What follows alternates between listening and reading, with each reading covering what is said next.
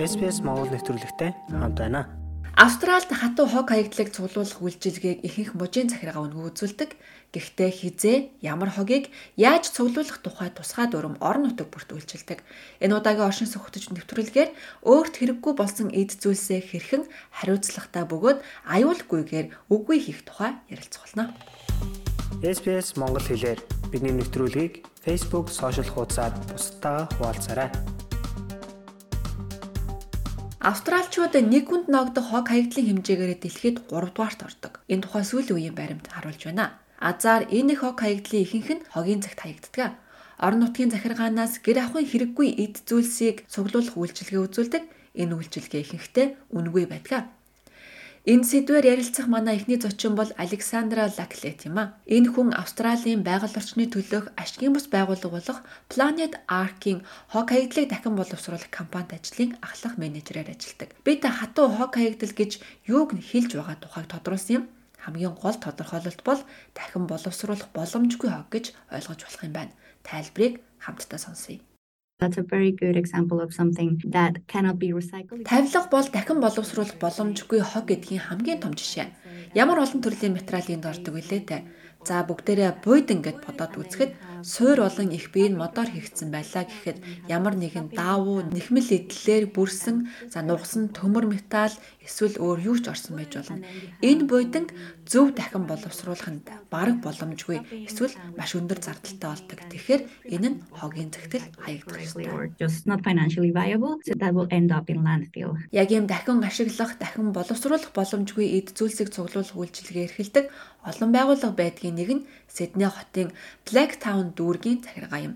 Тэд өөрийн хариуцсан нутагтаа хатуу хог хаягдлыг захиалгын системийн дагуу цуглуулдаг юм байна. Манай дараагийн зочин Мария Хондрагянес энэ зөвлөлийн хог хаягдлын асуудал хариуцсан мэрэгжилт юм а. We are an on-call service, so residents Бид дуудлагын үйлчилгээтэй Оршин суугчид манайх руу шууд утсаар залгаж эсвэл онлайнаар захиалга өгдөг.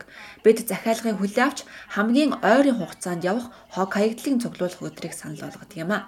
Жилд дунджаар 12 удаа хатуу хог хаягдлыг цэвэрлэх үйлчилгээ явуулдаг.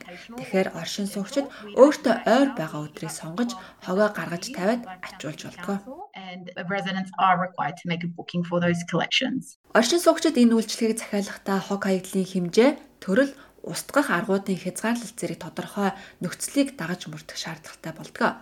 Муж дүүрэг бүхэнд өөр өөр дүрмүүдтэй хэрвээ зөрчвөл торгуулж магадгүй юм. Тиймээс та захиалгаа өгтөө сайтар ярилцаж зөвлөгөө авах нь зүйтэй. Манай зочин Мария Blacktown болон бусад дүүргүүдэд үйлчилдэг үндсэн нэг дүрмийг тайлбарлаж өглөө. The items cannot go on the nature strip until one day before. Хог цуглуулах өдрөөс яг нэг хоногийн өмнө эд зүйлсээ гадаа гаргаж болно. Энэ нь хуршууд нэмж хог хаяхаас сэргийлдэг, буруу шаардлага хангаагүй материал цуглуулах зэрэг эрсдлийг багасгах зорилготой юм. Зөрчил гарсан тохиолдолд бид юуны төрөнд оршин суугчдад сургалтанд хамруулж зөв зөвлөлд урайлж бидний нөхцөл байдлыг дагаж мөрдөхийг захидаг. Гисэн хэдий ч дахиад л хогоо буруу хайсан бол 4000 хүртэлх долларын торгуулийг ногдуулдаг. Fines of up to $4,000 may apply. Тэгвэл зөвшөөрөгдөх хатуу хог хаягдал гэдэгт юу юу багтах вэ? Бид Мельбурн хотын Mary Beck дүүргийн удирдлага Mark Riley-тай ярилцсан юм а.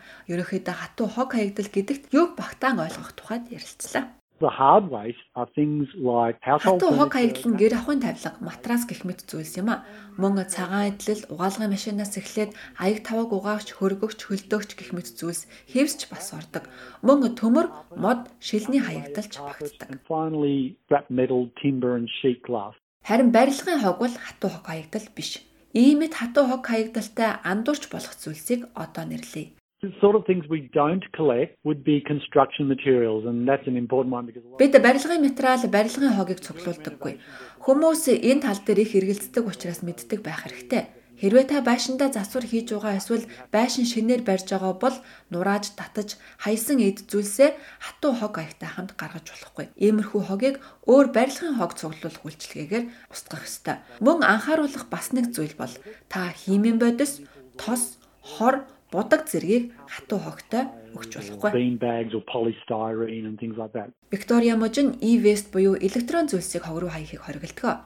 Энэ тухайд тухайн орон нутгийн захиргаанууд вебсайт дээр өөрөөр заагаагүй бол хотоо хог хаягдлыг цуглуулахдаа электрон хог хаягдлыг хүлээн авахгүй гэсэн үг юм а. Виктория мужийн доктортой байдлын газрын дарга Med January-ийн тайлбарыг одоо сонсъё e-waste which is defined as anything with a plug or a battery. Электрон хог хаягдал гэдэгт залгуур, батарей эсвэл цахилгаан утастай бүх зүйлийг гэж тодорхойлж болно. Ийм зүйлсийг хогийн цэг рүү ачуулгыг хоригддаг. Австралийн хаанч байсан ийм нэг зарчим үйлчилдэг. Ямар ч өнгийн хогийн савнда ийм хог хийж болохгүй гэсэн үг.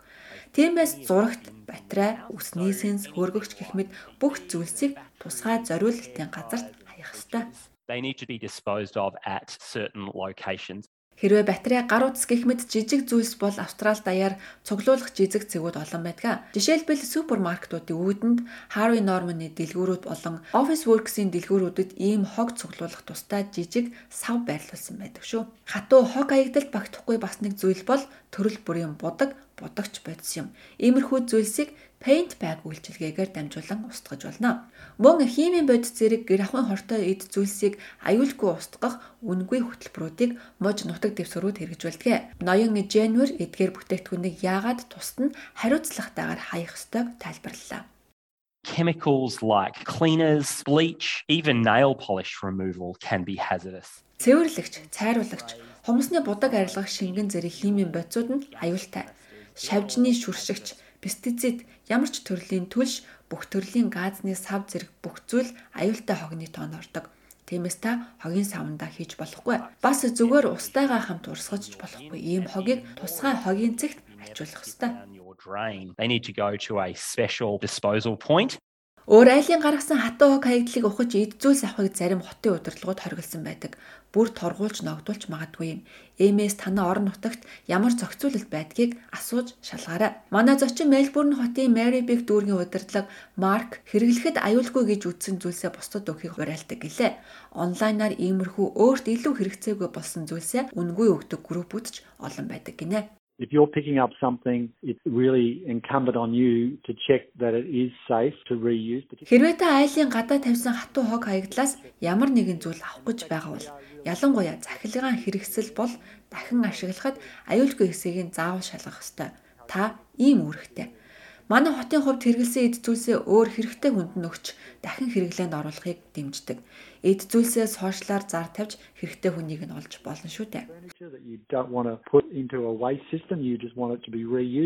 Планет Арк байгууллагын Анжелиана таны эд зүйлсээ заавал хаягахгүйгээр өөр хүнд хэрэгтэй байгаа эсхийг нь шалгах олон арга байдгийг бидэнд хуваалцлаа. If you put stuff on Gumtree or on Facebook for free, someone will pick it up. It really even helps. Таад зүйлсээ Gumtree эсвэл Facebook дээр үнгүй аваарай гэд оруулж болно.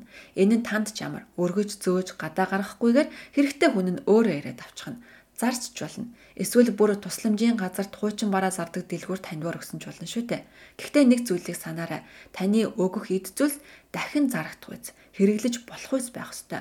Хэрвээ үгүй бол өнөө хогийн цэг рүү явна. Энэ нь нөгөө буйны байгууллагад зардал болно шүү дээ.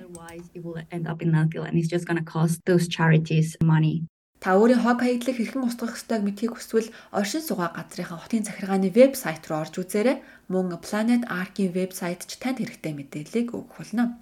Please remember that waste isn't waste until it's waste. Ямар нэгэн эд зүйлс хогийн цэгт устгагдах хүртлээр хог биш байдгийг битгий мартаарай. Хэрвээ та яахаа мэдэхгүй байгаа бол recyclingnearyou.com.au хаягаар зочлоод Тэнд матрас, цагаан хэрэглэл, будаг, батарей гэх мэт зүйлсээ төрөл бүрээр нангилж яаж хариуцлагатайгаар устгах тухай заавар зөвлөгөө олно бий.